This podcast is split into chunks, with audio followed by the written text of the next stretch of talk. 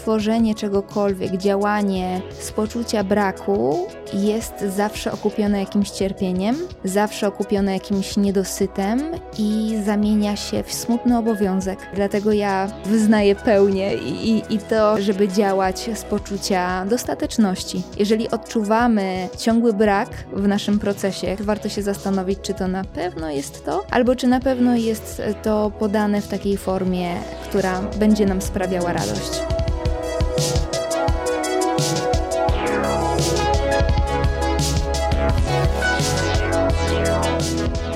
Witaj u Janoszuk. W podcaście, w którym rozmawiamy o mrokach i urokach kreatywnego myślenia i działania. Ja nazywam się Ula Janoszuk i pomagam Ci kreatywnie rozbłysnąć. Dzisiaj w odcinku z serii Od Kuchni odwiedziła mnie Iga Chmielewska, którą możecie kojarzyć z brzydkich rzeczy, e, na przykład bardzo brzydkich rysunków, bardzo brzydkiego podcastu, ale też bardzo strasznego podcastu. I też w ogóle cieszę się bardzo, że w takim sezonie jesienno-październikowym się spotykamy, bo wiem, że to jest sezon wyjątkowy dla Ciebie. Ja też bardzo lubię wszystkie creepy i spooky rzeczy, więc e, bardzo się cieszę, że to jest ten czas. Witam Cię Iga bardzo serdecznie w moim podcaście. Cześć, bardzo się cieszę, że tu jestem i faktycznie masz rację. To jest mój sezon. Sezon mhm. na moją bardzo straszną twórczość, więc ja się w tym momencie czuję jak ryba w wodzie, chociaż też wiąże się to z całą masą pracy. Oczywiście, oczywiście, na pewno. Cieszę się, że znalazłaś czas i, i mam nadzieję, że też e, wyciągniesz coś fajnego dla siebie z tej rozmowy. Bardzo się cieszę, że będziemy mogły dzisiaj porozmawiać na e, temat, a w zasadzie tak e, się pozastanawiać trochę nad pytaniem, który zaproponowałaś na drugą część rozmowy rozmowy, bo przypomnę dla osób, które e, nas e, mogą słuchać po raz pierwszy, albo dla tych, które nie wiedzą, że podcast składa się z dwóch części. W pierwszej części rozmawiamy na, odpowiadasz w zasadzie na pytania, które Ci zadaję i które zadaję wszystkim rozmówczyniom, które tą moją podcastową kuchnię odwiedzają. No a druga część opiera się na zagadnieniu, które moja rozmówczyni proponuje. E, no i w Twoim przypadku jest to pytanie, czy kiedyś skończą mi się pomysły? Takie pytanie, które myślę, że nawiedza wiele twórczych osób i, I tak, i cieszę się, że będziemy mogły porozmawiać, no bo właśnie te pytania to myślę, że jest jeden e, też z takich koszmarów, które się właśnie pojawiają w twórczych życiach i myślę, że sobie, mm, że sobie na ten temat będziemy mogły dużo ciekawych rzeczy powiedzieć. No ale oczywiście zanim e, ta druga e, nawiedzona część, to pierwsza część i pierwsze pytanie, kim jesteś? Lubię mówić o sobie, że jestem po prostu twórczynią internetową. Mm -hmm. Tworzę treści e, maści wszelakiej e, przez bardzo brzydkie rysunki, które są taką moją pierwszą, moim najstarszym dzieckiem, moją -hmm. najstarszą twórczością. Później do rysunków dołączyły dwa podcasty, bardzo brzydki i bardzo straszny podcast, o którym już wspomniałyśmy na wstępie. I tworzę sobie również swoją markę osobistą na Instagramie. Tak więc mhm. Wszystkiego po trochu. Tak jest, tworzysz, tworzysz różne rzeczy. Drugie pytanie to jest pytanie, od kiedy działasz kreatywnie i kiedy zdałaś sobie z tego sprawę? Wiesz co, Odpowiem nieco filozoficznie, że tak mhm. tak naprawdę kreatywnie działam od zawsze, mhm. bo y, byłam kimś w rodzaju artystycznego dziecka. I nie wiem, czy to wynika e, z, z, ze mnie, to znaczy po prostu się z czymś takim e, urodziłam, czy z nakładów wszelkiego rodzaju, e, które inwestowali we mnie rodzice, mm-hmm. po to, żeby w ten mój rozwój, rozwój artystyczny właśnie zainwestować, rozwijać mnie w różnych artystycznych kierunkach. Mam za sobą szkołę muzyczną, chóry, koła plastyczne, liceum plastyczne, zespół pieśni i tańca. W zasadzie w każdej możliwej dziedzinie e, się rozwijałam, jeżeli o ten świat artystyczny chodzi. Mm, no i na dobrą sprawę już w tym moim obecnym zawodowym życiu zajmuję się tymi wszystkimi rzeczami. A, no i właśnie jeszcze oprócz tego bardzo długi epizod teatralny. Więc mhm. to wszystko tak naprawdę jest składową mojej obecnej działalności, no może oprócz tańca, bo się w praniu okazało, że akurat do tego nie mam szczególnego talentu. jasne, jasne, ale TikToka masz, więc jakby opcja zawsze tak, jest. Tak, tak, tak, tak, tak. Jakbyś chciała do, do tańczenia wrócić. Mm, e, super, bardzo to jest, bardzo to jest piękne, jak te rzeczy twórcze, które są w naszym doświadczeniu, tak się splatają w tym, co robimy. To jest też mm, e, moim zdaniem świetny przykład na to, że żadne lata nie są stracone, nie? że żadne e, tak. doświadczenia, mimo tego, że mogą się wydawać zupełnie nieprzystające do tego, co robimy, nie, nie przepadają i że one zawsze gdzieś tam są i wspierają tą naszą ścieżkę dzisiaj, dlatego to próbowanie w kreatywności, sprawdzanie różnych ścieżek to jest coś, co ja też bardzo lubię i zawsze bardzo polecam i zawsze lubię też patrzeć na to jako właśnie taki wachlarz, y, z którego mogę sobie korzystać, więc bardzo fajnie, że też u Ciebie tak to wygląda. Tak, ja chciałabym, jeszcze wejdę mhm. Ci w słowo, chciałabym Śmiało. dorzucić, że to jest taka ważna lekcja, myślę, dla wszystkich osób, które jakkolwiek kreatywnie się rozwijają, dlatego że po części system edukacji próbuje nam wpoić y, taką myśl, że powinniśmy w zasadzie od od dziecka, od nastolatka wiedzieć, co chcemy robić. Tak. I mhm. nie bez powodu wspomniałam tutaj o moich rodzicach, dlatego że oni dali mi bardzo dużą swobodę mhm. i pozwolili próbować wielu rzeczy. I łapałam się w trakcie zaliczania jakichś kolejnych przegranych y, na takiej myśli, że po co to wszystko, mhm. po co mi to, mhm. skoro nie będę się tym zajmować. No i jak się okazuje, życie potrafi um, skręcać w zupełnie y, jakieś um, nieprzewidziane przez nas wcześniej strony i nagle okazuje się, że te wszystkie umiejętności umiejętności, na których już dawno postawiłam krzyżyk, stają się moim atutem mm -hmm. i narzędziem pracy. Super. Tak, także y, niech to, niech to służy też za inspirację właśnie, bo to pytanie, po co to wszystko, to jest takie pytanie, które wiem, że y, wiele osób sobie zadaje. Wiem, że tak. Y, to pytanie często w naszych kreatywnych głowach się pojawia, no bo w momencie, kiedy, tak jak sama powiedziałaś, zaliczamy różnego rodzaju porażki, niepowodzenia, gdzieś nam się ta noga potyka, to bardzo łatwo jest dojść do takiego wniosku, że to nie ma sensu. E, mhm. Ale bardzo często mm, w pewnym momencie naszego życia jest taki punkt, y, który sprawia, że zauważamy, że to też wpłynęło na nas w jakiś sposób i że to jednak po coś było. Może to nie być od razu, może też nie być nigdy, y, takie rzeczy też się zdarzają, ale tak, ale, tak ale warto spojrzeć na takie różne e, trudności jako na coś, co też nas e, buduje. Mm, I wobec tego chciałabym Cię dopytać o to, czy mając taki właśnie dostęp do różnych e, sfer eksplorowania kreatywności, to czy to było dla Ciebie oczywiste od zawsze, że to jest kreatywność, że to jest coś, w czym Ty czujesz się mocna, czy to przyszło z jakimś konkretnym doświadczeniem? Wiesz co, trudno jest mi odpowiedzieć na to pytanie, dlatego, że tak jak wspomniałam już wcześniej, kreatywność, kreatywne działanie było dla mnie czymś absolutnie naturalnym. Od kiedy pamiętam. Niemniej bardzo długo docierałam e, do takiego przeświadczenia, że to jest moja przyszłość, to -hmm. jest ten mój atut, to jest coś, z czego będę mogła korzystać, na czym będę mogła zarabiać pieniądze. Szczególnie w szkole tych pomysłów na siebie jest cała masa. I mhm. chciałam być astronautą, mm -hmm. weterynarzem i co tylko jesteśmy w stanie sobie w tym momencie wymyślić. Mm, I tak na poważnie o tej pracy kreatywnej zaczęłam myśleć dopiero pod koniec gimnazjum, kiedy -hmm. wymarzyłam sobie liceum plastyczne. I to one, ono mi e, tak ustrukturyzowało to działanie, myślenie o przyszłości, pomimo yes. tego, że po liceum plastycznym w ogóle postanowiłam skręcić w zupełnie inną stronę i finalnie wrócić do rysowania, okay. po którym znowu pojawiły się jakieś działania mm -hmm. artystyczne na polu również aktorskim. Jasne. To jest niesamowite właśnie, jak e, pewne mm, motywy i pewne e, aspekty kreatywnego życia tak wracają, nie? W takich, e, że, że często trzeba od czegoś odejść, żeby zdać tak. sobie sprawę z tego, jak to jest dla nas ważne.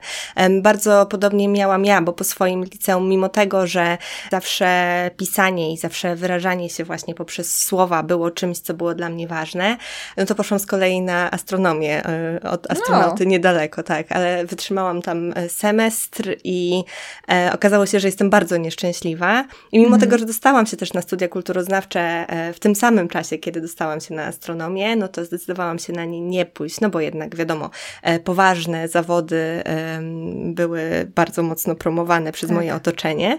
No ale i to było dla mnie zupełnie bardzo, bardzo zabawne w momencie, kiedy na drugi stopień studiów, w międzyczasie poszłam na, na też taki kierunek kulturoznawczy, ale nie tam, gdzie się dostałam za pierwszym razem, tam wróciłam na drugi stopień, więc też to właśnie tak e, te koła e, zatacza i też, i to też jest fajne, to też jest ciekawe bardzo, że mm, też doświadczyłaś takiego właśnie powrotu tak. do, do tego, co, e, co, co lubisz tworzyć. Mhm. A dlaczego zdecydowałaś się korzystać z kreatywności w swoich działaniach? Myślę, że nie wyobrażałam sobie innej drogi. Było to dla mnie do tego stopnia naturalne, że nie widziałam się w żadnym innym zawodzie, już jako taka świadoma, nie mhm. gimnazjalistka albo nie dziecko z podstawówki. Nie wyobrażałam sobie nie tworzyć. Zabrzmi to trochę poetycko, ale uwierzcie mi, nie ma w tym cienia przesady, że mm, to kreatywne działanie, tworzenie cały czas nowych historii w głowie, nowych obrazów jest dla mnie prawie tak naturalne jak oddychanie. Mm-hmm. Znaczy, zdaje mi się, że ja nieustannie poddaję swój świat jakimś kreatywnym procesom, więc nie wyobrażałam sobie po prostu innej drogi. E, z tym, że nie chcę, żeby to również zabrzmiało tak, e, jakbym e, działała kreatywnie z braku laku. Mm-hmm. Ja po prostu mm-hmm. sobie, ja, ja nie, nie jestem w stanie inaczej egzystować niż nieustannie tworząc, a jak się okazuje, ta przestrzeń internetowa, która wymaga od twórcy, nomen omen, właśnie tworzenia, y, jest dla mnie przestrzenią idealną. Super.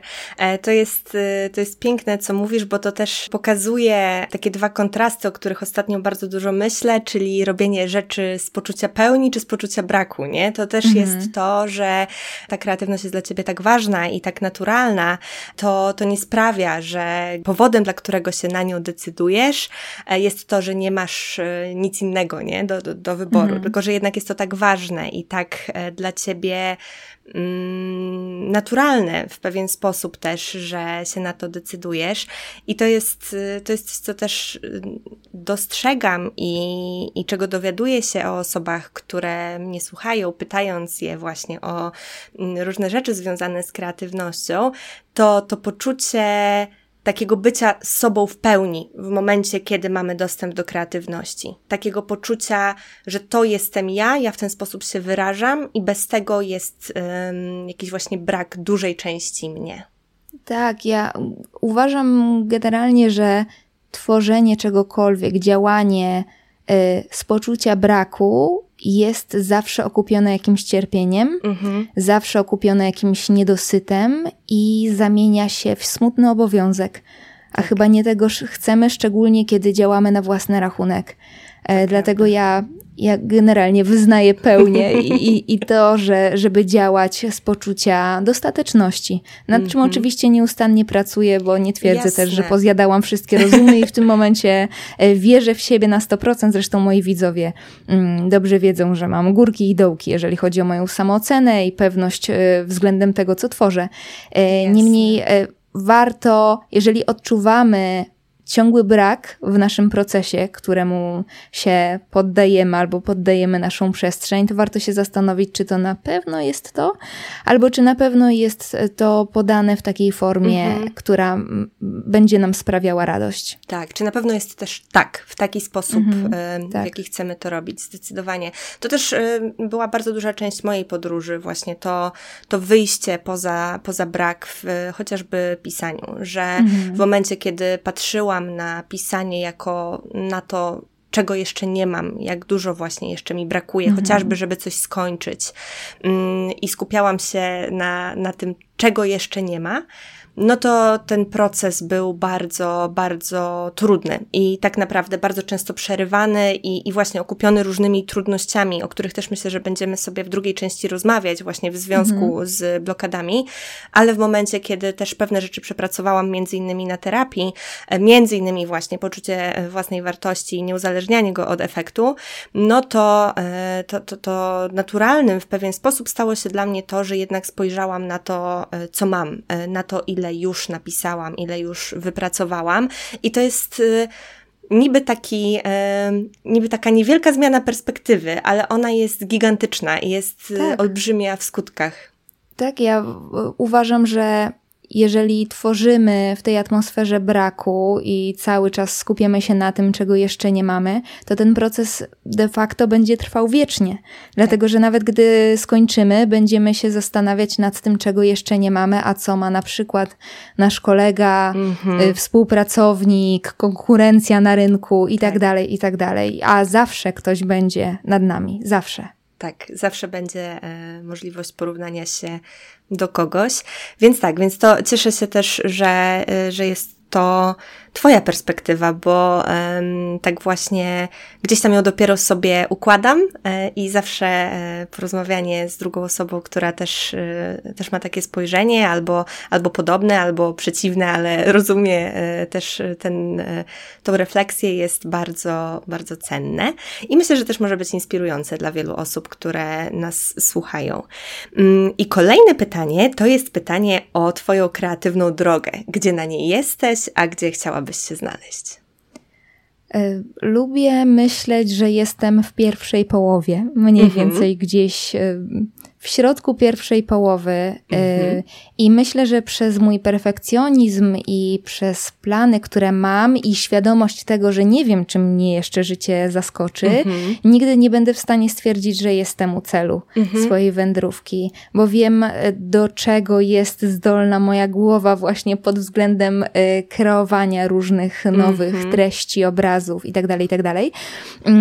I biorąc pod uwagę fakt, jak szybko zmienia zmienia się, zmieniają się potrzeby widowni mhm. i tego, e, w jaki sposób można tworzyć, jakie formy można przybierać, no to wiem, że jeszcze bardzo, bardzo e, dużo prze, przede mną. Z tym, że nie mhm. jestem też w stanie stwierdzić, że jestem na samym początku. Mhm. I nie przez to, ani nie przez zasięgi, ani nie przez to, co tworzę, czy jestem z tego zadowolona, czy nie, tylko bardziej przez mindset, który sobie mhm. wypracowałam. Nie jestem już takim kompletnym szczypiorkiem, e, który drży o każdy efekt, o każdą opinię. Dużo rzeczy sobie w głowie poukładałam, co, ta, co tak naprawdę pomaga mi w tym procesie tak. twórczym i pozwala rozwinąć skrzydła. Jasne, myślę, że to jest bardzo ważne rozróżnienie, bo myślę, że możemy być na bardzo różnych etapach naszej twórczej drogi, ale ten mindset może być też bardzo różny i że to nie jest y, tak bezpośrednio ze sobą związane, na pewno y, też y, i zasięgi, i mindset, nie? Że to też jakoś tam jest coś, nad czym na pewno dużo pracy musiałaś wykonać. Tak, takiej prywatnej, absolutnie. Mhm, tak, tak, jasne. E, no ale też, e, no właśnie, do, odnosząc się do Twojej drogi, też im, im dalej, tym więcej e, Ciebie, nie? Tym więcej też tych doświadczeń, więc też mhm. myślę, że ja lubię też tak patrzeć na, na, na, twórczą drogę, że ona się nigdy nie kończy, ale to jest bardzo, coś bardzo, bardzo pozytywnego, coś takiego, tak. co sprawia, że no właśnie, dokładamy kolejne doświadczenia, przeżycia, przemyślenia do całej mhm. swojej kolekcji no i e, siłą rzeczy po prostu na nich e, bazujemy, więc e, każdy kolejny krok też jest następstwem tych poprzednich. Więc, więc tak, więc bardzo, bardzo to jest też coś, z czym ja się utożsamiam. Mm, a czy jest jakiś taki punkt właśnie na tej ścieżce, do którego dążysz? Czy jest jakiś taki moment, którego pragniesz, o którym marzysz? Mm, mam kilka takich punktów, ale chyba pominę je milczeniem, Dobrze. dlatego że są takimi moimi wielkimi planami, mm -hmm. które mam nadzieję zaskoczą moją widownię. Super. Niektóre są trochę bliżej, niektóre są trochę dalej, ale nie chcę tutaj odkrywać Oczywiście. E, wszystkich kart. Jeżeli chodzi o takie nieco bardziej miękkie, mm -hmm. nie ubrane w liczby albo w realne działania cele, to chciałabym jeszcze mocniej sobie poukładać w głowie mm -hmm. te wszystkie emocje, które wiążą się z procesem twórczym. E, nieuzależnianie własnego szczęścia od wyniku, od oceny innych i tak dalej, i tak dalej. Jeszcze w tym wypadku również długa droga przede mną. Jeszcze dodając y, myśl do ostatniego wątku, mm -hmm. sorry, że tak przeskoczę, ale później Śmiało mi z głowy skacz. wyleci. Mm, w dzisiejszych czasach bardzo często spotykamy się, przynajmniej w internecie, z e, takimi historiami, że ktoś robi karierę w jedną noc. Mhm. E, nagle pojawiają się wielkie liczby, wielkie pieniądze, wielka sława. I zauważyłam, że bardzo dużo osób w tym swoim procesie twórczym liczy na szybki efekt, na to, tak. że wypłyną, wybiją się, używając tego obec no, obecnej nomenklatury. Tak. Y i o wiele więcej przyjemności, radości, ulgi y, sprawia właśnie podejście do swojego procesu twórczego jako do nieskończonej drogi, mm-hmm, że niezależnie tak. od tego, do czego dojdziemy, albo w którym punkcie w tym momencie jesteśmy, to jeszcze wiele, wiele rzeczy przed nami. Y, I to przynajmniej mnie bardzo uspokaja, bo po pierwsze, mam świadomość tego, że nigdy nie uderzy mi soduwa do głowy, mm-hmm. bo cały czas będę pracowała nad y, kolejnymi swoimi celami, e, a kiedy przychodzą gorsze momenty i czuję się najgorsza na świecie, wówczas również mogę sobie powiedzieć, że jeszcze bardzo dużo przede mną. Tak, tak. E, więc ciężko tak naprawdę w tym procesie twórczym osadzić siebie gdzieś na tej osi czasu, bo, bo nie wiadomo ile jeszcze przed nami. Mam to nadzieję, prawda. że dużo. To prawda, też mam taką nadzieję.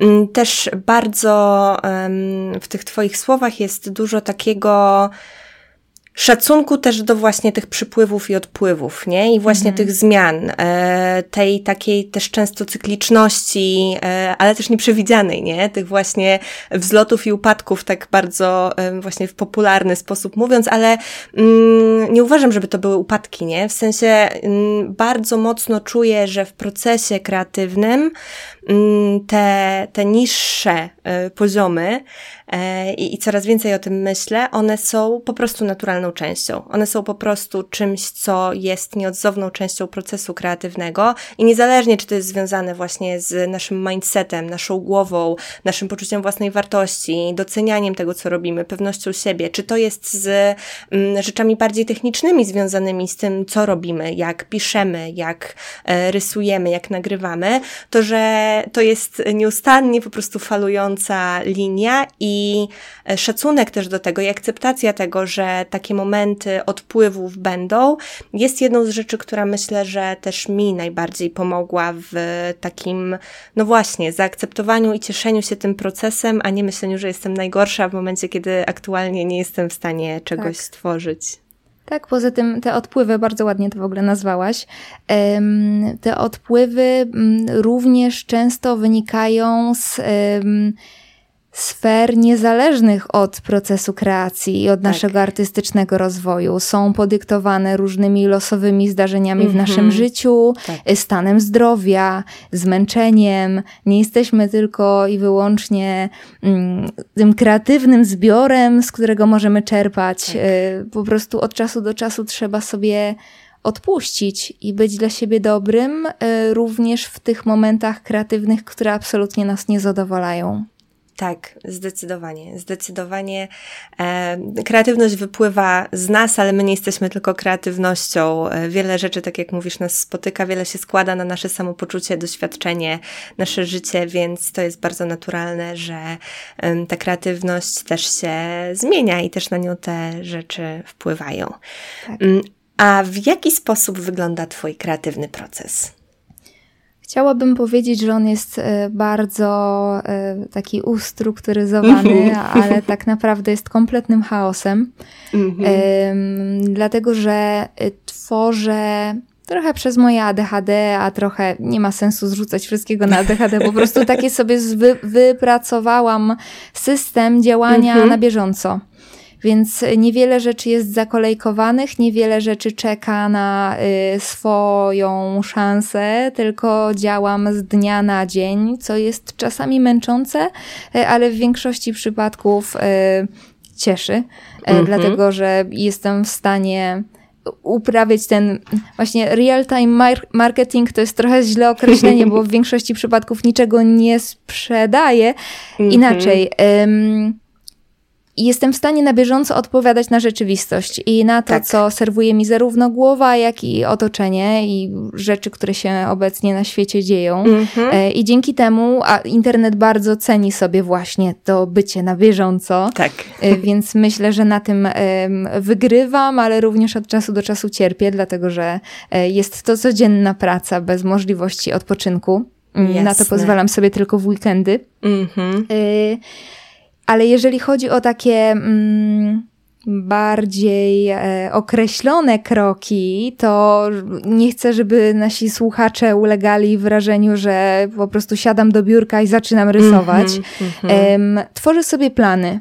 Bardzo lubię mieć e, plany. One nie są nigdy długoterminowe, ale plany mm na najbliższe trzy tygodnie posiadam. I to jest taki bardzo ogólny zarys mojego działania. Ja osobiście okay. nie jestem w stanie działać bez planu, bez mm -hmm. jakiejś e, opracowanej taktyki. Ona jest bardzo prosta, ale jednocześnie prowadzi mnie od punktu A do punktu B, od punktu B do punktu C i tak dalej, i tak dalej. Więc to jest bardzo pomocne.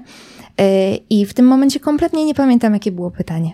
Jaki był, jak wygląda Twój kreatywny proces? E, A, I właśnie. powiedziałaś o tym, e, o planie, o strukturze, ale tak. też o tym, że wiele rzeczy dzieje się na bieżąco.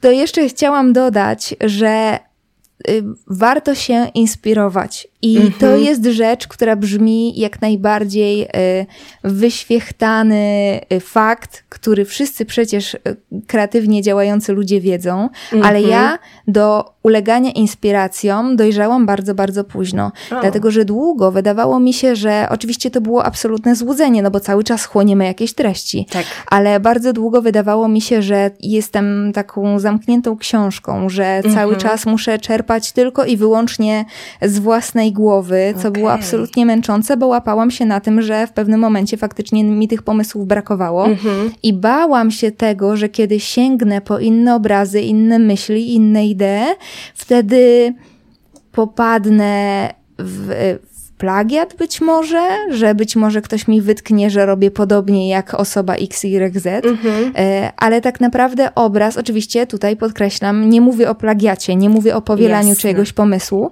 ale karmienie intencjonalne, karmienie swojej głowy obrazami, tekstami, myślami innych osób jest bardzo cenne e, i tworzy nam dodatkowe przestrzenie na nasze tak naprawdę pomysły, tak. które są w stanie wzrastać na pomysłach innych. Tak, jesteśmy w stanie dodawać ten swój pierwiastek do, do tego właśnie, co doświadczamy, nie? Tak. Też nie sposób chyba się oddzielić, y, można próbować. To brzmi jak bardzo męcząca walka, y, ta, tak, ta próba tak, zamykania tak, się. To wynikało z jakiegoś takiego mojego strachu po prostu, że, że powtórzę za dużo, że mhm. zrobię coś zbyt podobnego niż druga osoba. Ale tak naprawdę w tej chwili czuję, że już mam wypracowany jakiś własny styl i raczej nikt o plagiat mnie nie posądzi. Tak, też, no ale też na pewno te doświadczanie różnych rzeczy wpłynęło na to, że mogłaś ten styl w międzyczasie wypracować, nie? Mhm. Że właśnie zamknęłaś się na te rzeczy.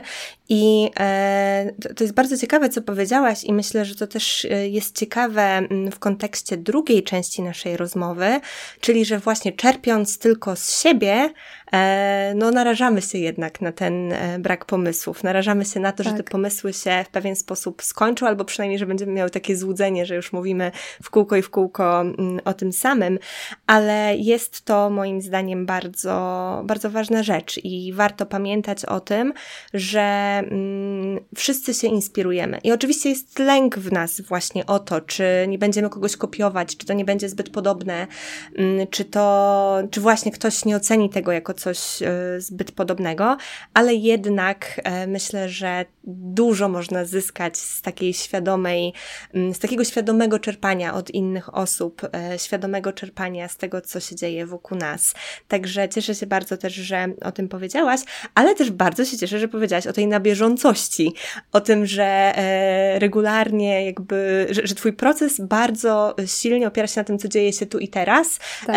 I przypomniało mi to twoje stories, w których mówiłaś o próbie, e, którą podjęłaś, żeby narysować rysunki na zapas, mm -hmm. kiedy mhm. wyjeżdżałaś i że im dłużej im się przyglądałaś, nie mogąc ich opublikować od razu, to um, rezygnowałaś z tego, żeby je opublikować w ogóle i to jest moim zdaniem bardzo ciekawe i też bardzo ciekawe jest to połączenie, które masz właśnie planu i, i takiego bycia na żywo z tym, co się dzieje, bo mm -hmm. myślę, że mm, szczególnie słuchając różnych rzeczy o tym, w jaki sposób właśnie powinno e, się tworzyć e, treści do internetu, no to jednak, e, no właśnie, z jednej strony jest ta konieczność planowania do przodu, a z drugiej strony jednak warto właśnie odnosić się do tego, co jest tu i teraz. Więc myślę, że to jest bardzo ciekawe, że udało Ci się to tak sobie poukładać.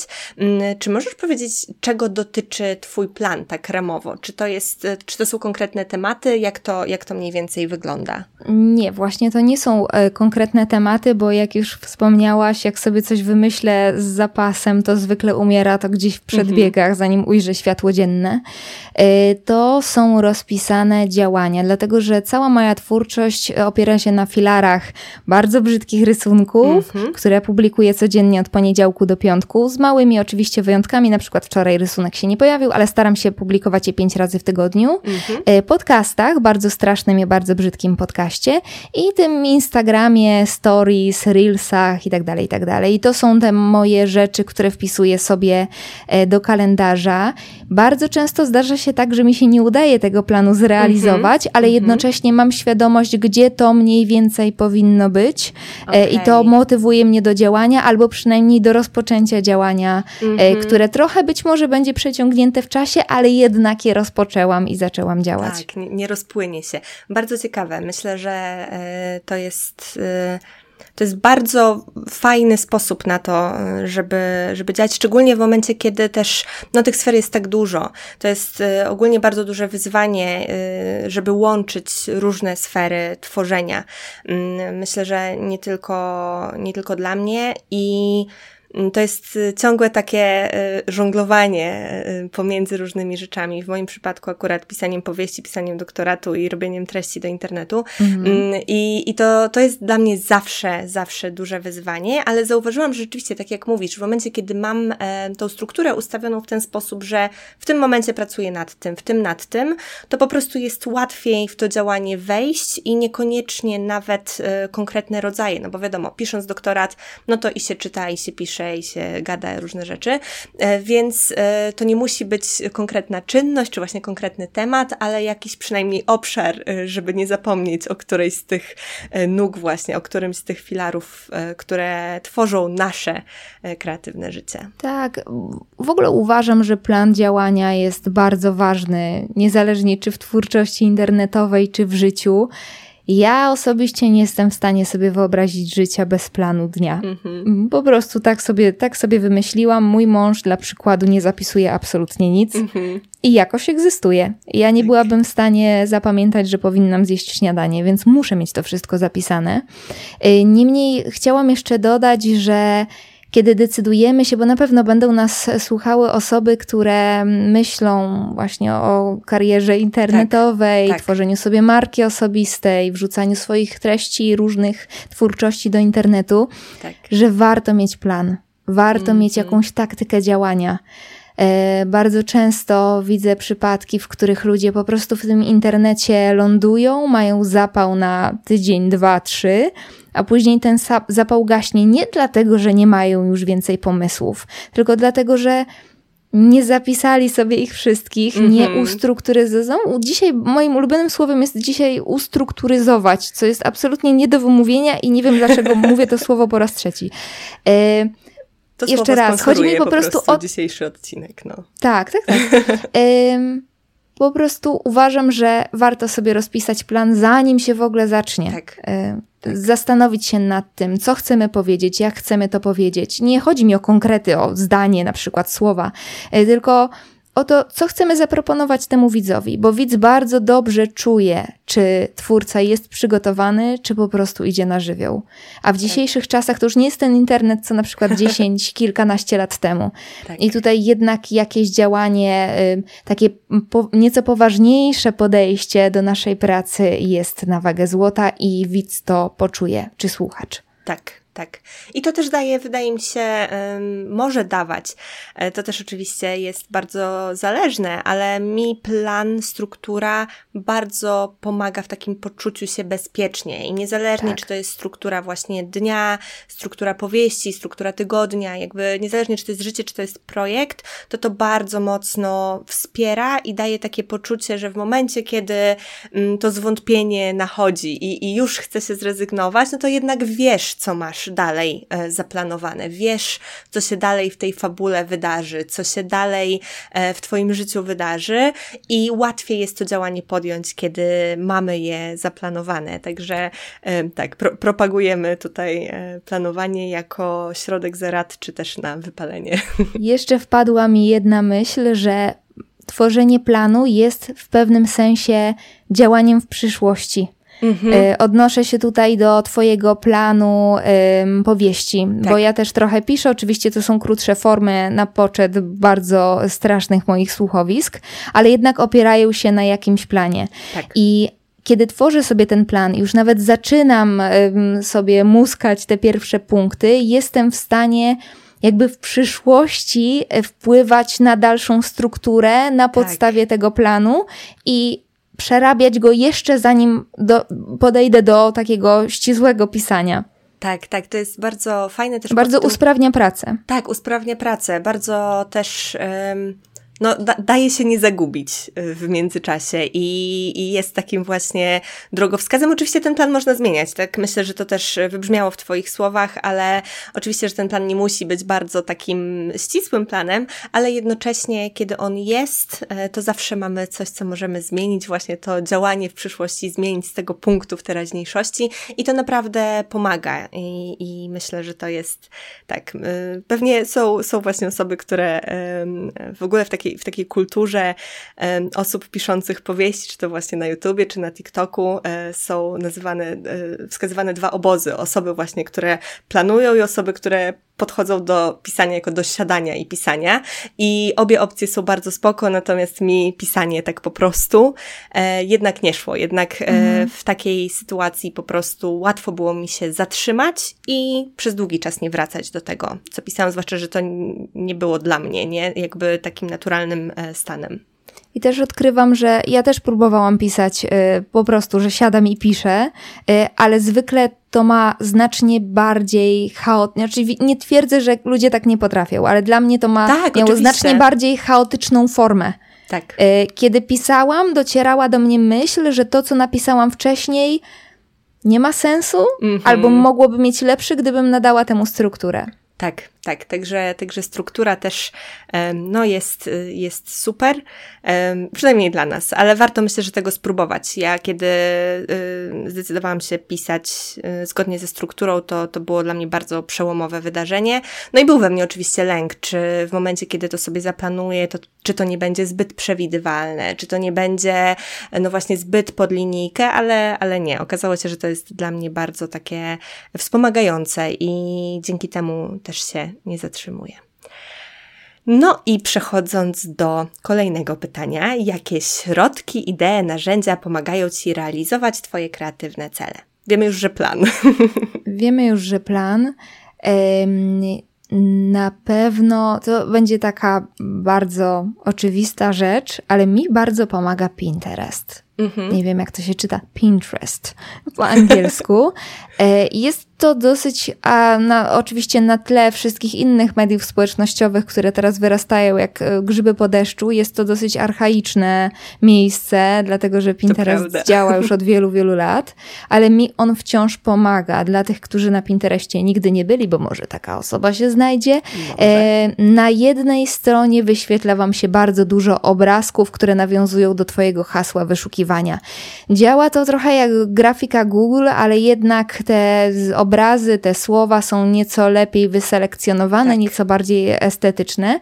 Ja lubię swoją głowę karmić właśnie czymś takim, bardziej nawet niż ym, wyszukiwarką gdzieś na Instagramie, gdzie określone konta już mi się wyświetlają y, i mam pod tym imię i nazwisko. Tak. To jest mi bardzo pomocne. Poza tym, tak jak mówiłyśmy, już plan, nie zamykanie się na wpływy innych, na wpływy mm -hmm. innych twórców, na to, co widzieliśmy. Ja mówiłam o tym, że starałam się mm, nie korzystać e, z inspiracji, co warto tutaj podkreślić, było takim moim złudzeniem troszeczkę. Ja oczywiście korzystałam z nich nieintencjonalnie, mm -hmm. ale to mhm. intencjonalne właśnie czerpanie z innych y, kreatywnych działań pozwala pozwala nie wpaść w ten plagiat, dlatego że mamy Dokładnie. większe panowanie nad tym, na co patrzymy i w jaki sposób chcemy to przepuścić przez pryzmat własnej twórczości. I chyba tyle. I, mm -hmm. i mhm. myślę, że po prostu warto sobie taką myśl y, powziąć nadrzędną, że nie warto się zniechęcać. I, mm -hmm. i, i, i chciałam powiedzieć teraz coś mądrego i mi kompletnie wypadło zdanie z głowy, ale mniej więcej chodzi mi o to, żeby być bardziej we własnej głowie właśnie niż mm -hmm. w mhm. głowach innych. Tak. Nie tak, jesteśmy tak, tak. w stanie wpłynąć na to, e, co kto o nas pomyśli, co pomyśli o naszej twórczości, a taka analiza tego odbioru bardzo często niszczy ten produkt finalny, zagłusza tak. naszą kreatywność. Więc warto skupić się po prostu na sobie i działać, oczywiście dopuszczać opinie innych, bo nie robimy tego dla siebie, ale jednak nie popadać w skrajność w postaci ciągłej analizy tego, jak zostaniemy odebrani, bo to po prostu zabija kreatywność. Tak, bardzo często się zdarza, że to też było przez bardzo długi czas moje doświadczenie, że e, na tej e, szali przeciwnej do mojej satysfakcji, mojego zadowolenia, stworzenia, stawiałam innych ludzi i to było dużo, dużo, dużo cięższe niż to, co działo się we mnie, niż to, e, co ja czerpałam ze swojego tworzenia. Dużo bardziej myślałam o abstrakcyjnym, potencjalnym odbiorze, do którego nigdy nie doszło w tamtym momencie, do którego nigdy wtedy nie miało dojść. E, ponad tym, co było dla mnie ważne w tej chwili i dlaczego ja w ogóle zaczęłam pisać, a zaczęłam pisać dlatego, że po prostu to kocham, nie? I to sprawia, że ja się mm, właśnie tak w tym świecie najlepiej wyrażam. No właśnie, mm. bo koniec końców ten proces ma nas cieszyć, prawda? Tak, tak, tak, tak. I bardzo często o tym zapominamy. Y, właśnie przez tą pogoń za, za odbiorem, za zasięgami, liczbami, pieniędzmi i tak, tak dalej, i tak dalej. Nie twierdzę, że to wszystko, co wymieniłam przed chwilą, nie jest ważne, ale Jasne. na końcu, na, na początku powinniśmy być my.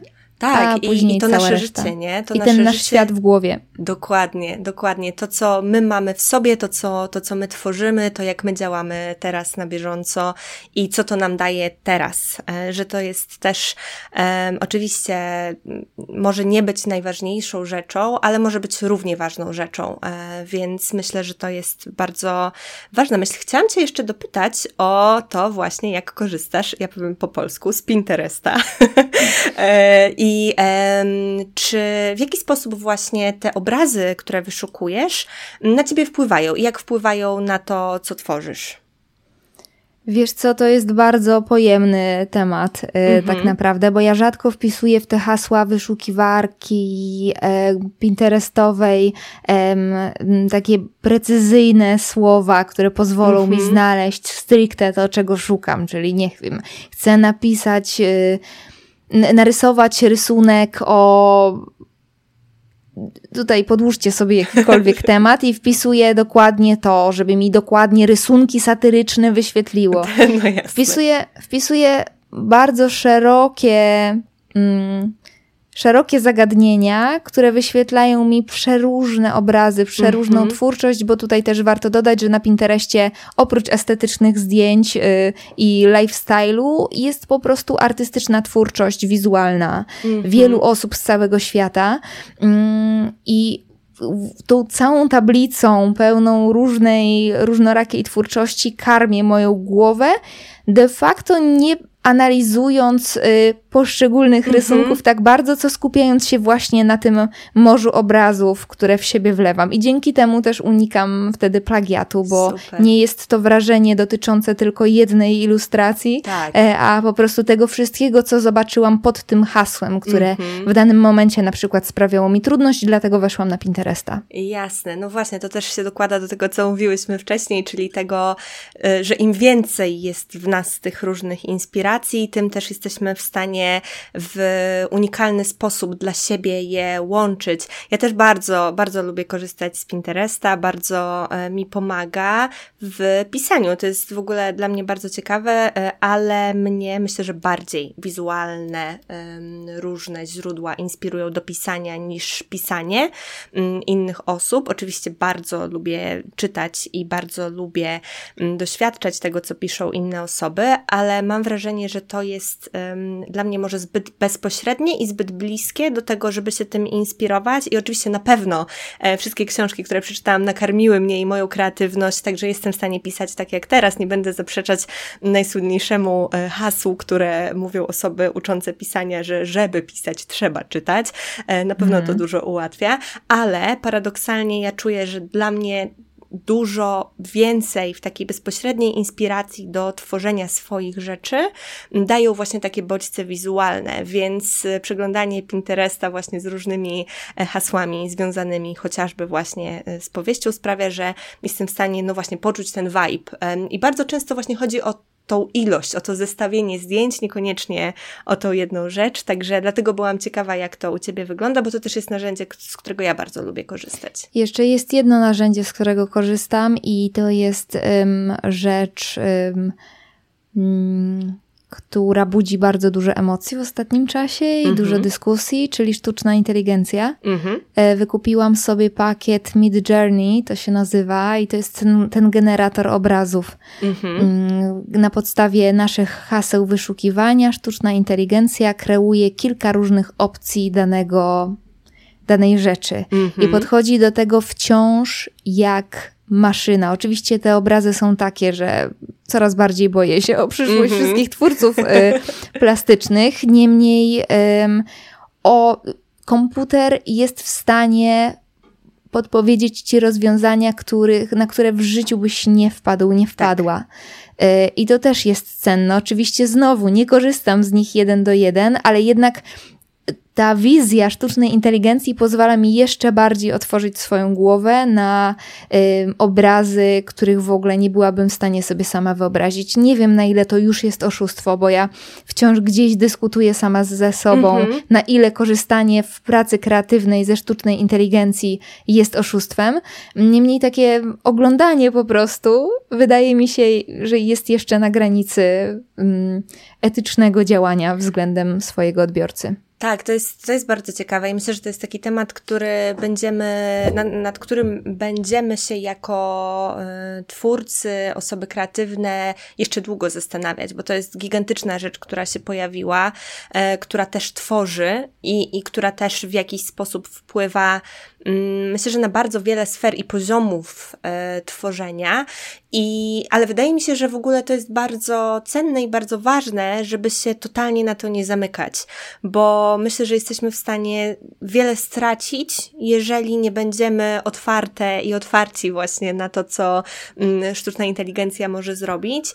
I, i tak, i myślę, że to jest po prostu znowu, e, może nawiązując do tego hasła, które powiedziałaś, e, że, że ten pakiet się nazywa Meet Journey, że to może znowu jest jakiś rodzaj podróży, nie? Że to jest znowu tak. jakiś rodzaj wypracowywania sobie różnych schematów i, i w zasadzie ja lubię, oczywiście nigdy wcześniej takiego narzędzia nie było, ale ja lubię myśleć o nowych narzędziach, które wchodzą um, jako po prostu kontynuację różnych poprzednich narzędzi, które też były, z których e, kiedyś się nie korzystało, kiedy się pojawiały, e, wzbudzały różne kontrowersje, ale ostatecznie były na tyle silne i na tyle wspierające procesy twórcze, że można było naprawdę wychodzić z tą twórczością na nowe poziomy, więc może warto spojrzeć też na sztuczną inteligencję mm. jako mhm. na swojego inspirującego, kreatywnego partnera, a niekoniecznie właśnie na tego demona, który odbierze mm, nam tą naszą twórczość. Tr trudno mm, tak naprawdę przynajmniej mnie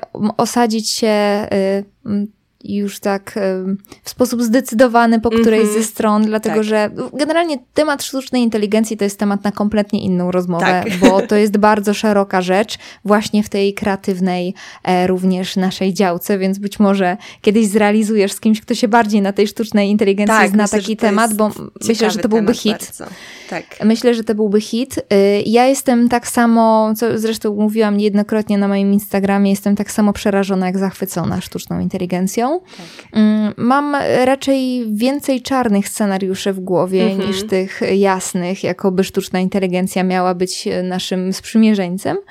Niemniej cóż, no, żyjemy w bardzo ciekawych czasach. Tak. Cieszę się, że będę mogła to obserwować to z, pierwszych, z pierwszych rzędów. to prawda. E, jak się mówi w mojej rodzinie, pożyjemy, zobaczymy. Tak. E, więc, więc no, jest to na pewno coś bardzo ekscytującego i co, no właśnie, warto obserwować. No i e, przechodząc do już przedostatniego pytania z tej części, czyli pytania, co jest dla Ciebie najgorszym, a co najlepszym aspektem kreatywności.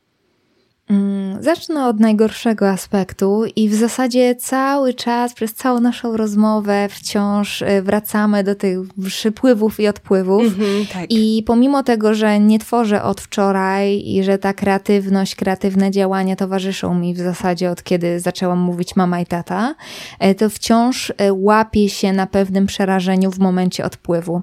Mm-hmm. I to jest problem, który wydaje mi się dotyczy tak naprawdę wszystkich twórców, tak. niezależnie od zasięgów, widowni, e, pieniędzy, które za to zarabiają, e, treści, które tworzą. Każdego dopada ten kryzys, ten art tak. block tak zwany.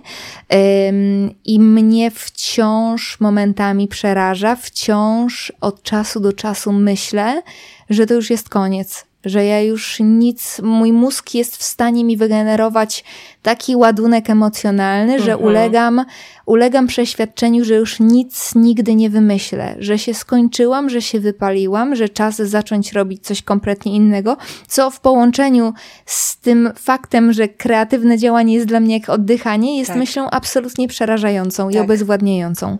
Mm, to wciąż we mnie jest i uważam, że z racji tego, że te odpływy wiążą się bezpośrednio z kreatywnym działaniem, to mogę uznać je za taki właśnie minus bycia mm -hmm. kreatywną osobą.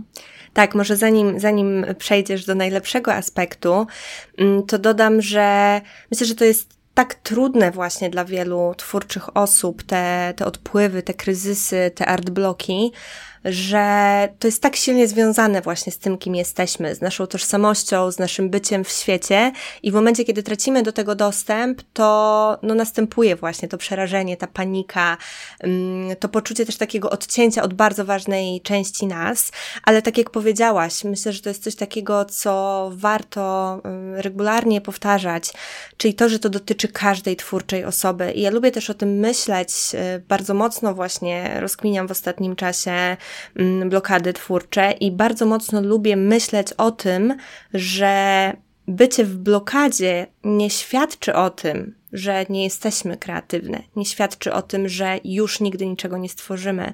Wręcz przeciwnie, świadczy o tym, że to jest dla nas bardzo ważne i że to jest tak naturalna część naszego bycia w świecie, że tak jak powiedziałaś, kiedy przestajesz mieć do tego dostęp, to następuje ta panika, więc e, lubię tak sobie na to patrzeć właśnie od drugiej strony, jako na dowód na to, że jesteśmy kreatywne, a nie, że kreatywne już nigdy nie będziemy.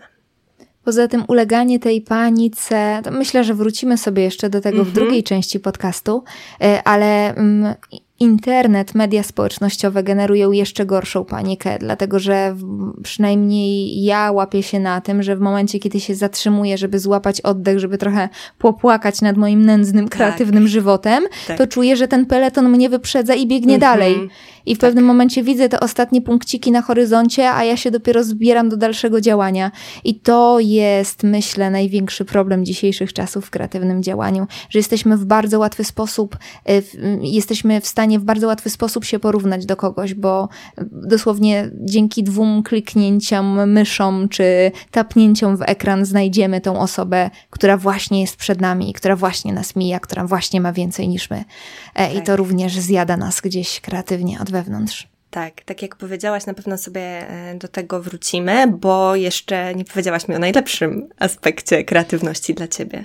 Najlepszy aspekt kreatywności tak naprawdę w żaden sposób nie wiąże się z moją działalnością mm -hmm. dla mhm. innych ludzi, bo mm -hmm. uważam, że kreatywność y, pozwala mi na ucieczkę do wnętrza własnej głowy. Dzięki temu, co jestem w stanie sobie wyobrazić, te światy, które gdzieś tam istnieją w, w mojej czaszce, y, pozwalają mi na chwilę oddechu, pozwalają mi uciec do świata. Nie chcę teraz zabrzmieć jak ktoś zupełnie odklejony, bo tak nie jest, e, ale myślę, że każda osoba kreatywnie działająca ma dużą łatwość e, właśnie w w walce z, z, codziennością, w uciekaniu od codzienności, trudnej codzienności, szarej codzienności do świata tej swojej wyobraźni. I mnie osobiście to bardzo, bardzo, bardzo pomaga e, w takim właśnie pozwoleniu sobie na to, żeby wziąć oddech, żeby sobie powyobrażać różne, różne rzeczy, różne światy tak. i tam tak. odpocząć.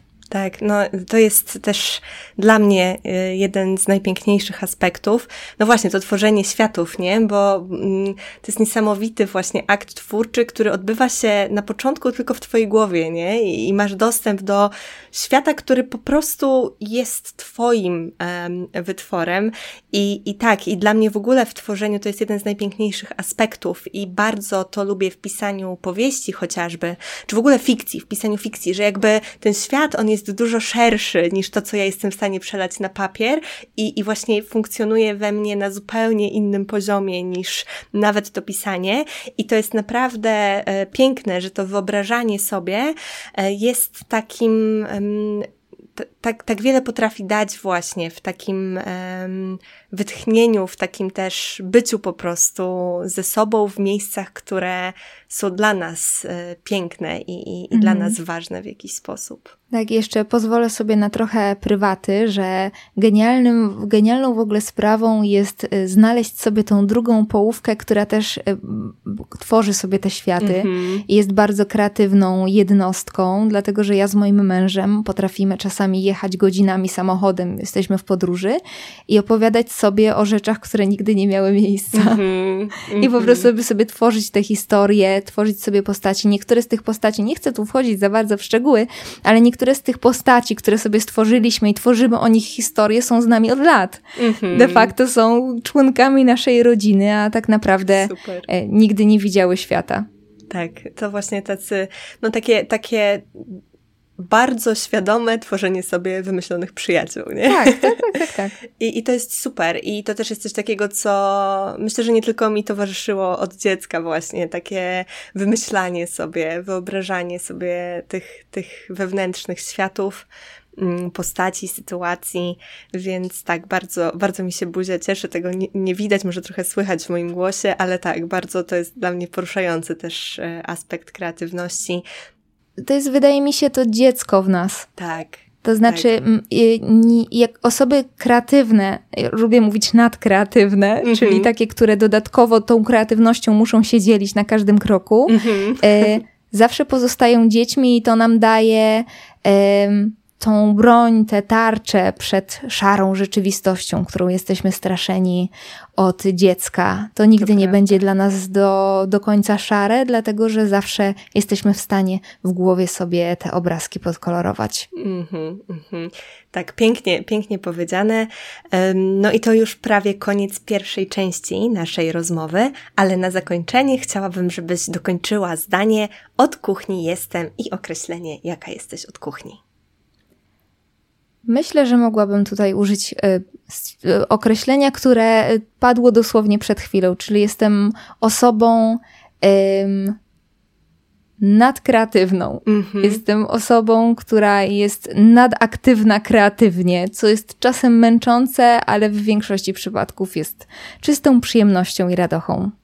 Super, na pewno sobie zachowam to określenie nadkreatywność w, w, w głowie I, i rzeczywiście jest w tym coś, coś pięknego. Myślę, że wiele osób może się utożsamić właśnie też e, z tym, szczególnie osób, które e, nie tylko właśnie chcą tworzyć coś dla siebie, ale też chcą się tym dzielić ze światem, tak jak powiedziałaś. Mm, także bardzo, bardzo się cieszę, że podzieliłaś się z nami tym określeniem.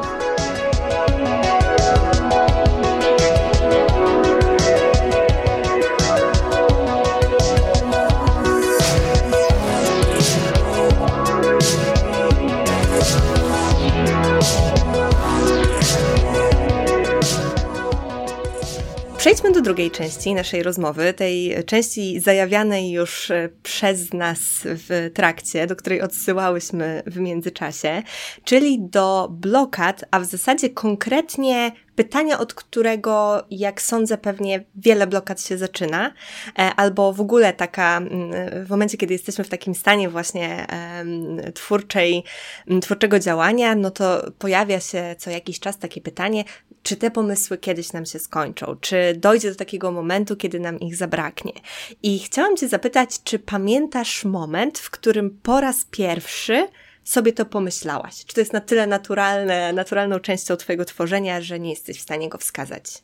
E, jestem w stanie wskazać ten mhm. moment, yy, dlatego że to nie była kompletnie moja myśl. To o. pytanie padło podczas jednego z wywiadów.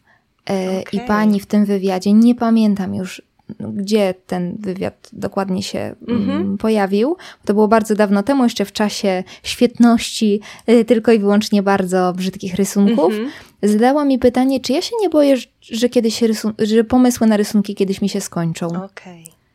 Ja oczywiście rezolutnie odpowiedziałam, że nie, ale to pytanie gdzieś we mnie zostało i mm-hmm. wracało do mnie za każdym razem, kiedy pojawiały się te, jak pięknie określiłaś, te odpływy, kryzysy, artbloki, i łapałam się na myśli, że kurczę, może faktycznie, może one kiedyś się skończą i tak dalej, i tak dalej, i tak dalej. I to pytanie faktycznie do mnie wraca, bo nawet jeżeli robię jakiegoś live'a na Instagramie, to bardzo często ktoś mnie pyta, szczególnie jakiś nowy widz, który przez mm -hmm. przypadek pojawił się na live'ie, czy się nie boję, że mi się pomysły skończą. Okay. Co, jakby się dobrze nad tym zastanowić, jest absolutnym absurdem. Tak tak, tak, tak. E, no właśnie, to jest, e, zacznę od tego, że to jest bardzo ciekawe, że to pytanie po raz pierwszy przyszło z zewnątrz i że nadal przychodzi.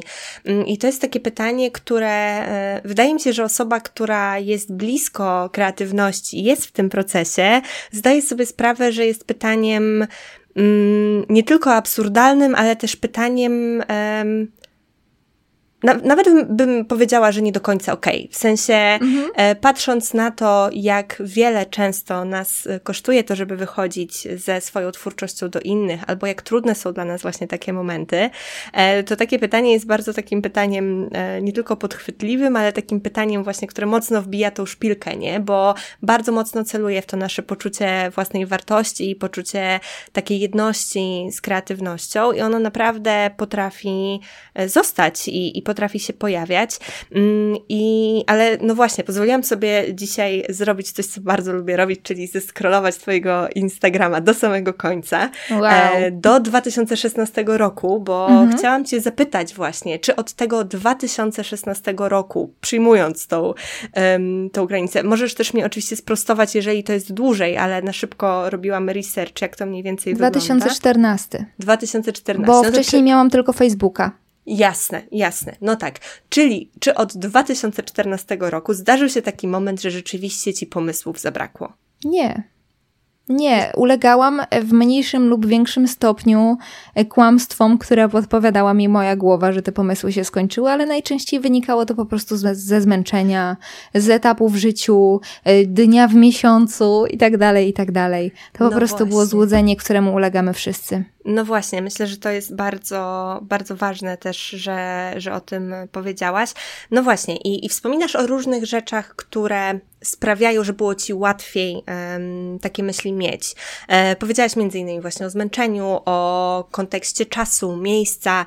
Um, czy są jakieś konkretne rzeczy? No i też wcześniej wspominałyśmy oczywiście e, o udziale mediów społecznościowych, więc też na pewno go sobie jeszcze poruszymy.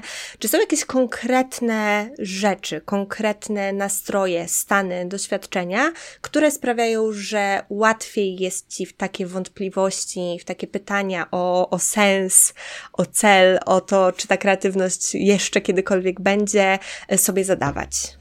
Na chwilę obecną do głowy przychodzą mi e, dwie takie sytuacje. Pierwsza to po prostu spotkanie z hejtem. Mhm. Nie będę tu udawać cyborga, który przez wiele lat w sieci zupełnie się z tym hejtem e, uporał i w tym momencie spływa po mnie jak po karczce, kto co pomyśli, kto co powie.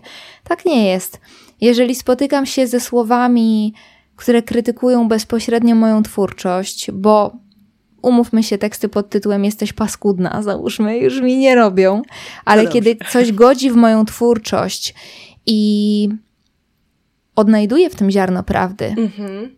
to wtedy zaczynam negować to, co robię i sens tego, co robię. To jest pierwsza sytuacja. Mhm. A druga jest dosyć ciekawą sprawą, dlatego że. Mm, takie powątpiewanie w sens tego, co robię, pojawia się w momencie, kiedy obcuję ze, ze sztuką wysoką. Mhm. Kiedy idę do galerii, kiedy idę do opery, kiedy idę do, idę do teatru.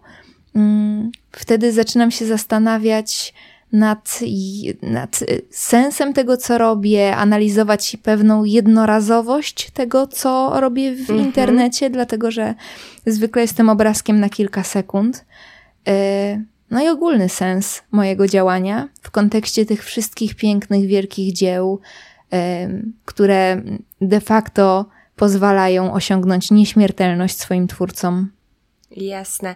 To jest bardzo ciekawe, bo mm, mam takie poczucie, im z większą ilością osób rozmawiam, tym bardziej to się, to poczucie się potwierdza, e, że bardzo różne rzeczy są w stanie nam na nasze blokady i zwątpienia pomagać i przeszkadzać. I myślę, że to jest bardzo fajny przykład, chociażby obcowanie ze sztuką, między innymi wysoką, ale myślę, że dla różnych osób to może być e, obcowanie z różnego rodzaju sztuką, bo bardzo często mówi się, że właśnie na art bloka e, fajnie jest pójść i się zainspirować czymś.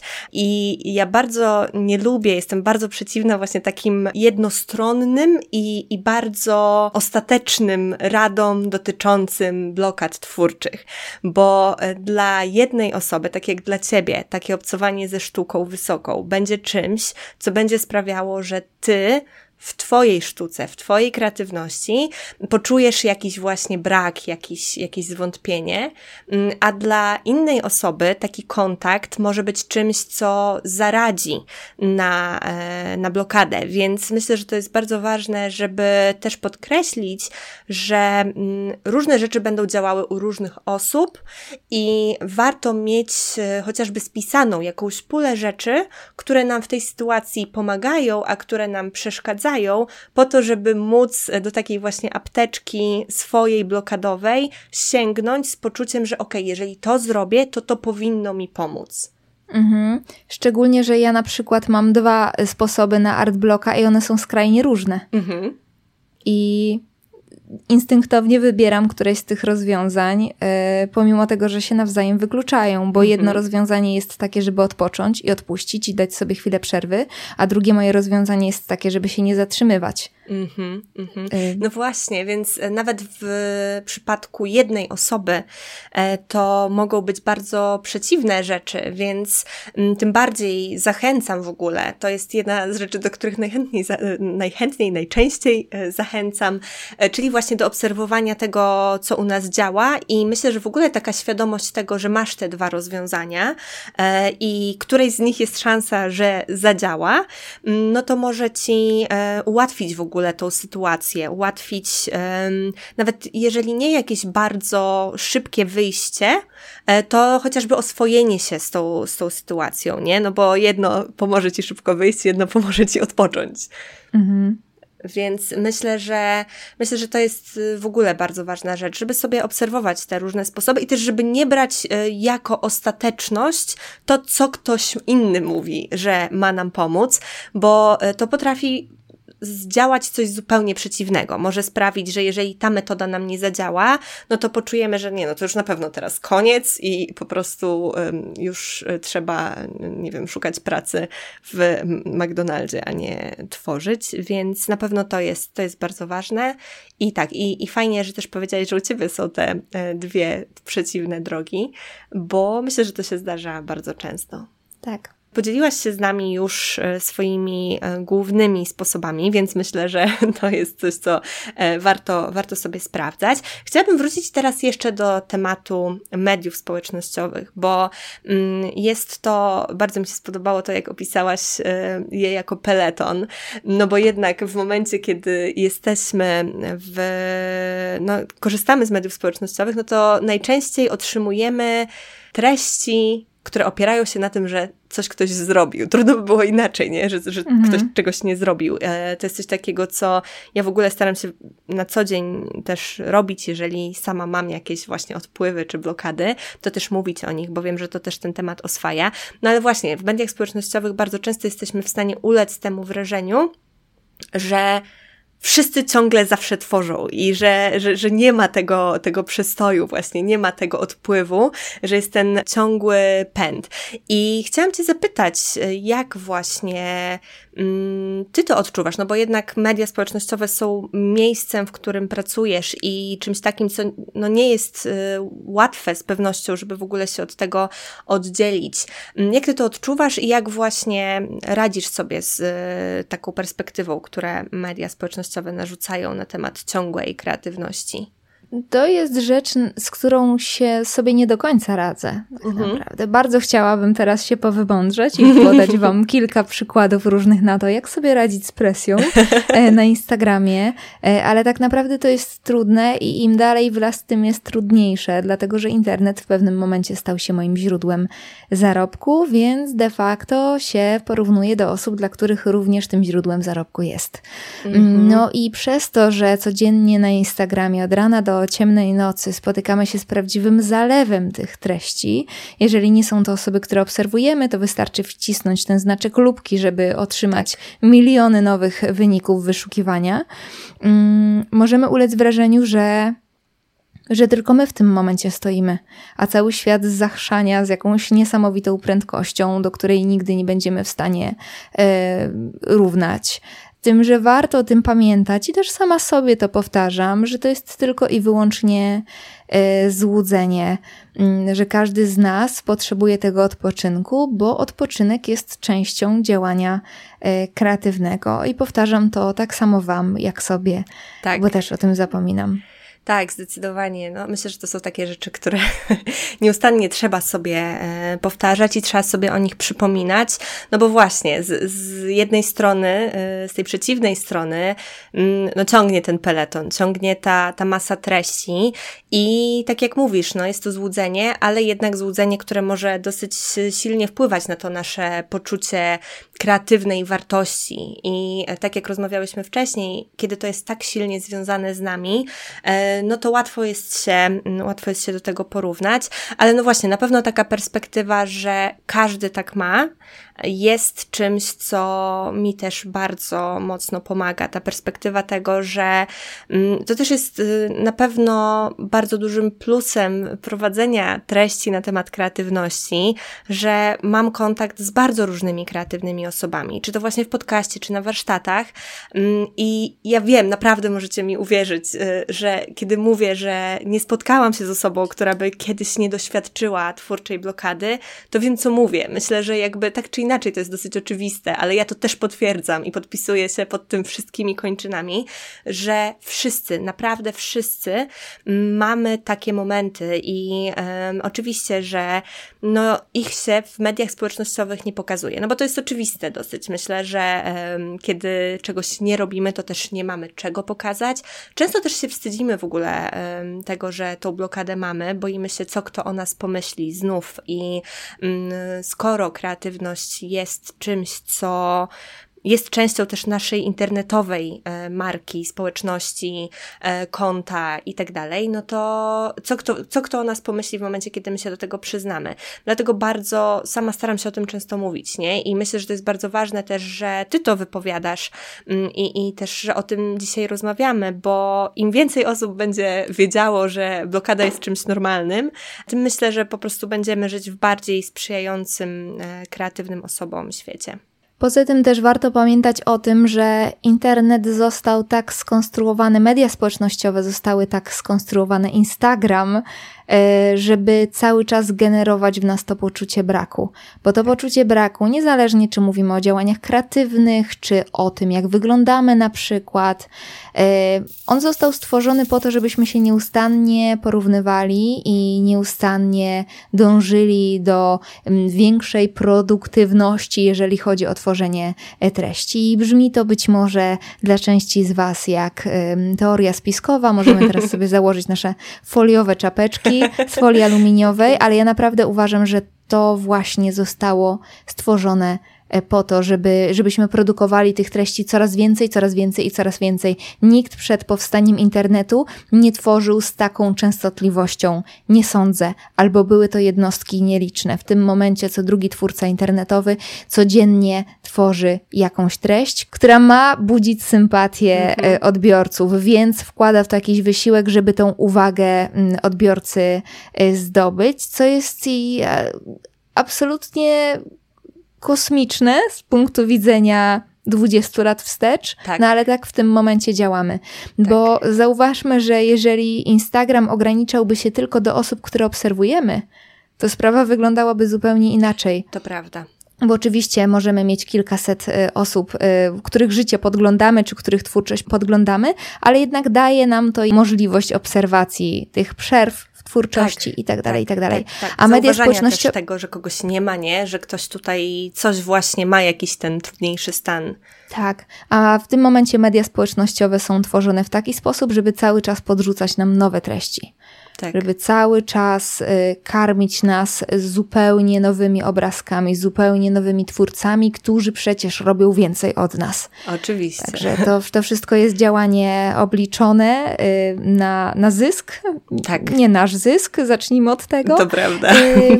Więc warto, warto o tym pamiętać i warto mhm. się nie dać nabrać do końca, chociaż sama jestem żywym przykładem na to, że jest to trudne po prostu. Tak, oczywiście. Ja też się, ja też się na to nabieram i, i myślę, że wiele z nas e, i bardzo e, też widzę e, piękne połączenie do wątku z pierwszej części naszej rozmowy, czyli właśnie do braku. Myślę, że to też jest taki temat, który wiele z naszych wypowiedzi podszywa, bo rzeczywiście brak bardzo często rodzi się z porównania.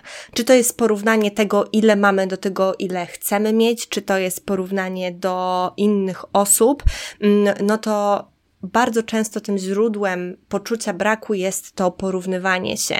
I ja bardzo dobrze znam to uczucie, to uczucie braku, to uczucie tego, y, że no właśnie czegoś mi nie wystarcza, czy ja nie wystarczam, bo z tego poczucia właśnie, z takiego poczucia, o którym mówiłyśmy, że bardzo nie sprzyja kreatywności, ja zaczynałam pisać.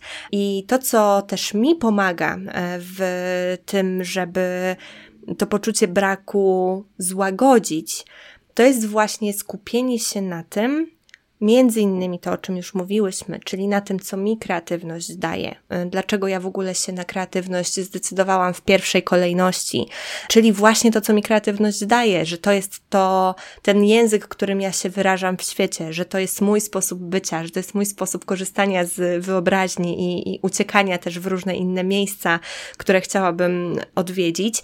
Więc na pewno to skupianie się na tym, dlaczego to jest, było dla mnie ważne u początku, jest czymś, co bardzo mi pomaga. I w ogóle jakby to też jest bardzo wyświechtane hasło i pewnie część z Was e, może po nim wyłączyć radioodbiorniki.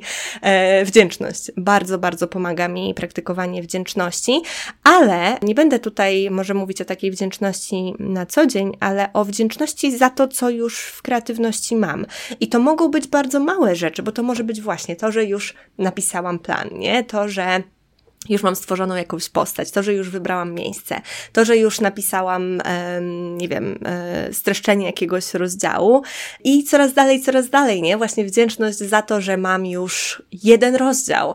I to właśnie, ta wdzięczność za to, co już mam i poparta też tym, o czym mówiłam przed chwilą, czyli tym poczuciem, że tworzyłam to z, ze szczęściem, z satysfakcją, to jest coś, co wreszcie pozwoliło mi skończyć pisać powieść, czyli bardzo długotrwały proces, który bardzo często przerywałam, a skupienie się na tym, co już mam właśnie i skupienie się na tej radości było czymś, co pozwoliło mi po w zasadzie trzech latach od rozpoczęcia i to było bardzo takie szatkowane, mm, wreszcie skończyć pisać tą pierwszą wersję. I, i niesamowitym dowodem też y, na to, że ta wdzięczność i to poczucie pełni jest y, czymś, co dla mnie tak dobrze działa, było to, że w momencie, kiedy kończyłam i kiedy to był ostatni już tydzień e, pisania, które też miałam rozplanowane, bo też miałam rozplanowane ilości e, tego, ile, ile chciałabym pisać i też dobrze mi się pisało, e, też jakby odbieganie od ilości też jest jak najbardziej okej, okay. też podkreślam to, co ty powiedziałaś, że plan może się zmieniać, możemy go nie wykonywać, ale fajnie, kiedy on jest, to tak jak kiedyś parłabym naprzód, żeby tylko dokończyć i mieć efekt i móc powiedzieć, że ja skończyłam pisać tę powieść, to ja każdego dnia delektowałam się tym dokładaniem słów e, do tego stopnia, że wręcz byłam smutna w momencie, kiedy skończyłam ją pisać, dlatego że wiedziałam, że to szczęście, które mi przynosiła podczas pisania w takiej formie, na ten moment się już zakończyło, nie? Więc tak. E, to, to mi bardzo pomaga też, jeżeli chodzi o takie, mm, takie blokadowe rzeczy. No to życzę Ci, żeby Twoi czytelnicy mieli takie samo poczucie delikatnego smutku, jak będą docierać mm. do mhm. końca Twojej powieści. Dzięki, dzięki. Że się kończy. Ja jeszcze mogłabym tylko dodać y, w temacie wdzięczności, że warto być w ogóle wdzięcznym za umiejętności, które posiadamy. Tak. Weź pod uwagę prawda. fakt, że na świecie i wcale nie trzeba szukać y, ludzi na drugim końcu tego świata, nie potrafią złożyć zdania, które będzie brzmiało logicznie, więc to sam prawda. fakt, że umiesz napisać historię, która ma ręce i nogi, wstęp, rozwinięcie i zakończenie, już jest niezwykłym talentem, za który również warto być wdzięcznym. Tak, i, i e, czasem warto się też porównać nie tylko w górę, ale właśnie w pewien sposób w dół, nie? Że, że jednak to są rzeczy, które, mm, których albo ktoś nie ma, albo my jeszcze do niedawna nie miałyśmy i się nauczyłyśmy. E, no bo właśnie, bardzo łatwo jest e, ulec tej presji porównywania się w górę, patrzenia na to, co kto robi, jak kto robi, jak ktoś jest w tym dobry. No i zapomnieć o tym docenieniu tego naszego rozwoju i tego, co jest w nas. Więc y, tak, też y, dziękuję Ci za te słowa i, i za te życzenia, bo y, to jest bardzo przyjemny smutek kończenia dobrej książki, więc to są bardzo, bardzo piękne życzenia. I myślę, że już będziemy powoli zbliżać się, albo nawet szybko, zobaczymy, do końca, do końca naszej rozmowy. Mm, myślę, że warto to, co ja z niej dla siebie wyciągnę, wyciągam, no to właśnie to działanie z poczucia pełni yy, i, i cieszę się, że też dołożyłaś swój głos do różnych moich przemyśleń, bo na pewno to bardzo pięknie je rozwinie. No i właśnie to, że, że pomysły się nie kończą, o ile pozwolimy sobie na to, żeby się na różne sposoby napełniać, żeby na różne sposoby sobie dawać yy, i odpuszczać też, tak jak wcześniej powiedziałaś. Czy chciałabyś coś jeszcze dodać na zakończenie? W zasadzie to powiedziałaś wszystko. Ja chyba jeszcze po prostu dodałabym, odchodząc niejako od tematu kreatywności, a trochę w nim zostając, żeby twórca pamiętał też o tym, że jest człowiekiem, mhm. że nie jest tylko i wyłącznie kreatywną bestią, maszyną do tworzenia kolejnych pomysłów, ale również żywym organizmem, z całą masą przeżyć, e, z własnym ciałem, umysłem, który czasem potrzebuje odpoczynku i że nie zostaliśmy stworzeni do tego, żeby tworzyć non-stop i czasem ten odpoczynek po prostu jest potrzebny, a jeżeli sobie na niego nie pozwolimy, e, to rzadko bywa tak, że przez ciągłą pracę uda się przez niego przejść suchą stopą. To prawda. Odpływy, odpływy są e, naturalną częścią procesu. E, no i właśnie, tak jak mówisz, e, nasza ludzka natura sprawia, że po prostu tak jest i warto to zaakceptować i sobie dać wtedy to, czego potrzebujemy jako ludzie, a nie tylko osoby kreatywnie produkujące różne rzeczy. Odpływ jest początkiem przypływu. Dokładnie. Myślę, że na tym e, haśle zakończymy naszą dzisiejszą rozmowę. Mm, dziękuję Ci bardzo, Iga. To była przemiła rozmowa. Bardzo się cieszę, że mogłam poznać ten Twój proces i myślę, że e, osoby nas słuchające też bardzo się z tego cieszą i dużo z tego wyniosą. Mm, I chciałabym Cię zapytać na zakończenie, e, bardzo standardowe podcastowo pytanie, ale jeżeli ktoś jeszcze Cię nie zna, to gdzie możecie bliżej poznać w mm, internecie? Możecie sobie wpisać w Google po prostu Iga Chmielewska, coś tam wam się na pewno wyświetli. E, możecie wpisać bardzo brzydkie rysunki. Znajdziecie mnie na Facebooku i na Instagramie. E, I oczywiście zapraszam Was do mojej twórczości podcastowej, czyli bardzo brzydkiego podcastu, gdzie znajdziecie tematykę psychologiczno-lifestyle'ową. To jest taki troszeczkę mój pamiętniczek. Mm -hmm. I mhm. bardzo strasznego podcastu, i tutaj szczególnie zwracam się mm, do miłośników dreszczyku, dlatego że tam tematy krążą dookoła um, różnych paranormalnych um, aspektów, ale też do osób, które lubią po prostu słuchać historii dlatego że w bardzo strasznym podcaście przyjęłam sobie formę takiego trochę słuchowiska radiowego. To znaczy nie opowiadam po prostu o danej sprawie, czy nie czytam jakiejś, jakiegoś własnego swojego opowiadania, tylko ubieram je również w formę dźwiękową, y, muzyczną, y, wcielam się w różne role, więc myślę, że to jest taka frajda dla osób, które tęsknią za słucha- słuchowiskami radiowymi. Tak, i, i przeniesieniem się właśnie do innego świata przy pomocy Twoich słów i i dźwięków i naszej wyobraźni. Tym bardziej polecam to ze względu na to, że słuchacie tego dwa tygodnie przed e, Halloween około, więc myślę, że to jest bardzo dobry czas na to, żeby tam zajrzeć. Mm, dzięki Iga, naprawdę. Oczywiście te rzeczy będą podlinkowane w opisie, także jeżeli nie chcę Wam się wstukiwać w Google czy na Instagramie e, czy gdziekolwiek, to macie to wszystko w opisie. Dziękuję Ci bardzo raz jeszcze za tę rozmowę i, i tak, i to była dla mnie wielka przyjemność. Dziękuję Ci serdecznie. Przecudownie się rozmawiało z Tobą. Bardzo chętnie rozmawiałabym jeszcze kolejną godzinę. I to tyle na dziś. Zanim opuścisz naszą kreatywną krainę, koniecznie daj znać, która z myśli była dla Ciebie najbardziej błyskotliwa. Podziel się nią na Instagramie i oznacz profil u podkreślnik Janoszuk lub napisz w komentarzu pod wpisem do odcinka na www.umyślnikjanoszuk.pl. Tam znajdziesz też wszystkie odnośniki i notatki do odcinka. Do usłyszenia, a tymczasem niech błysk będzie z Tobą.